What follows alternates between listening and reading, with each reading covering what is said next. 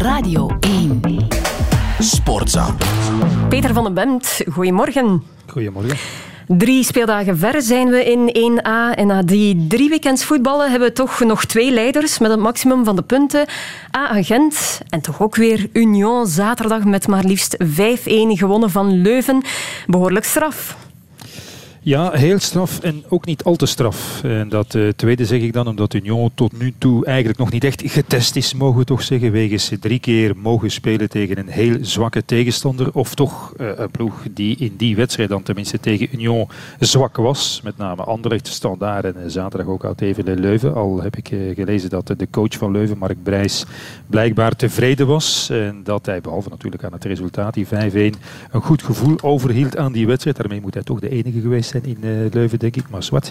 Je kan ook opmerken dat die ploegen uh, slecht waren omdat Union hen slecht liet spelen. Dat kan ook met die veel pressing, met, uh, met tempo. Maar goed, ook in de andere wedstrijden hebben die ploegen vooralsnog weinig blijk gegeven van grote vorm. En tegelijkertijd is het wel heel straf. Hè, want het wordt met de week straffer eigenlijk. Want er is intussen echt wel al een hele buslading sleutelspelers van vorig seizoen vertrokken bij Union. Iedereen mm -hmm. kent dat verhaal van de week nog. Liene en Nieuwkoop. En die Nieuwkoop was toch een ongelooflijk belangrijke speler in het eh, concept van Union de voorbije jaren. En de nieuwe coach Blessin doet zelfs beter dan Fritje Mazou en Gerards voor. Want die begonnen aan het seizoen maar met 6 en 4 uh, op 9. En zaterdag, oké. Het was zeker niet de beste wedstrijd van, uh, van Union. Maar wat ze bijvoorbeeld tegen, tegen Anderlecht uh, in de eerste helft, tegen Standaard een bepaalde periode lieten zien, dat was toch echt heel erg goed. Alleen denk ik dat we ergens pas half september zo de echte waarde zullen kunnen inschatten van Union. Dan hebben ze mm -hmm. duels gespeeld tegen Antwerpen en Racing Genk. Ook nog uh, Europese matchen in de voorronde van, van de Europa League. En dan zullen we wat meer weten. En Blessing, dat lees je toch, dat hoor je toch, is zeker de eerste om zich niet te laten ver blinden door die 9 op 9. Hij weet dat er nog een aantal meerwaardespelers moeten bijkomen om over een heel seizoen bovenaan mee te spelen. En dat denk ik zelf ook wel. En gezegd. dan zien we hoe straf Union echt is. Ja. Dan even onze blik op het zuiden van het land, dat dit weekend in de ban was van Le Choc Wallon tussen Charleroi en Standaard. Wat moeten we onthouden van dat 1-1 gelijkspel? Wel, uh, dat de supporters zich gedragen hebben. Dat is toch al dat. Dat er geen ongeregeldheden waren. Hele prestatie al. Want er was vooraf toch uh, grote ongerustheid over. Door de matige start ook van, uh, van de twee ploegen. Er werd wel wat gefluisterd dat het zou kunnen ontsporen. Maar goed, dat is dan goed.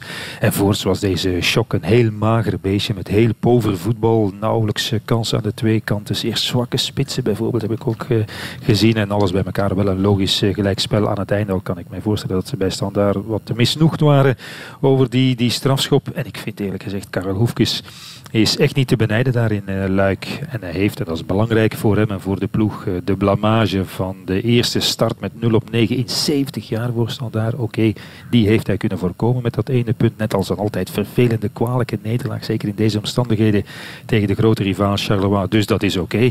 Maar het spel was zo mager. Eigenlijk heeft Standaard bijna de hele wedstrijd op de openingsfase van de tweede helft na misschien de wedstrijd moeten ondergaan tegen dan toch ook heel beperkte Charleroi.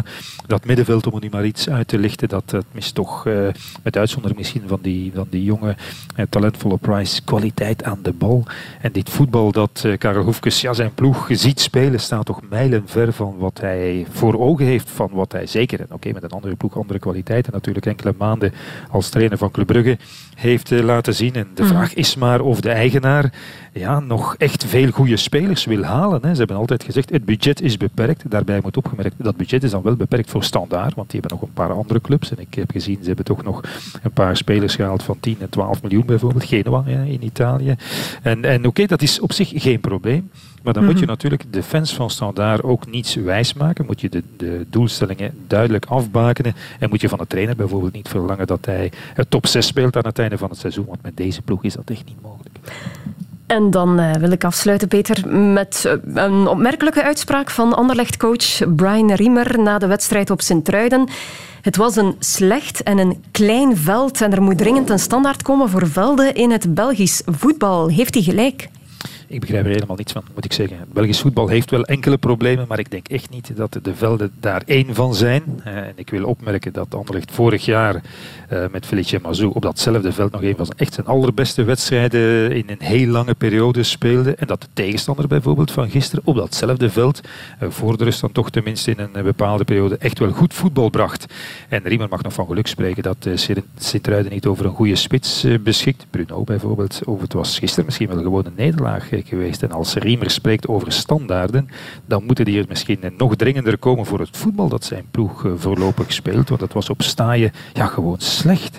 En dat de coach tevreden is uh, met de manier waarop zijn ploeg na de rust met 10 gestreden heeft en eigenlijk alles bij elkaar heel makkelijk overeind is gebleven, dat is logisch. Het woord briljant zou ik daarvoor echt niet gebruiken, want dat is wel wat anders. En, en nog eens, dat de coach op dit moment ook tevreden is met die 6 op 9, dat begrijp ik ook. Dat is belangrijk. Mee zijn met het, uh, met het peloton. En dat hij zegt dat zijn ploeg pas later top zal zijn, dat snap ik ook. Al moet ik er uh, aan toevoegen, over een paar maanden, zegt hij. Dat is natuurlijk wel heel erg lang. Maar goed, je ziet dat het elftal dat dan zal spelen erg zal verschillen van wat er de voorbije wedstrijden op het veld heeft gestaan. Nieuwe spelers zijn toegekomen, er komen er nog toe, moeten nog ingepast worden. Dus oké, er is nog wel wat werk voor de boeg. Het is nog in een proces, zal ik dat uh, verboden woord nog maar eens gebruiken als het om Anderlicht gaat. En in afwachting is het uh, de zaak om, om bovenin mee te draaien, om punten te pakken. Maar zelfs met deze ploeg moet er toch echt beter gevoetbald kunnen worden. Er is toch een voorbereiding aan vooraf gegaan van een uh, week of zes, zeven, acht misschien wel. Minder mhm. paniekerig, meer structuur, iets dominanter, zoals dat in de eerste helft tegen Antwerpen een beetje het geval was. De ruimtes beter benutten, juiste keuzes maken. er moet toch een bepaalde ondergrens zijn, vind ik wel goed. Die 6 op 9 gaat met dezelfde prestaties, dezelfde wedstrijden, totaal dezelfde wedstrijden, maar een klein beetje minder meeval tegen Antwerpen en tegen Sint-Truiden. Ook 2 op 9 kunnen zijn. En dan uh, zag de wereld, zelfs die van de optimistische Brian Riemer, er vandaag toch minder vrolijk uit, denk ik. Dankjewel, Peter van den Bemt. Sportza.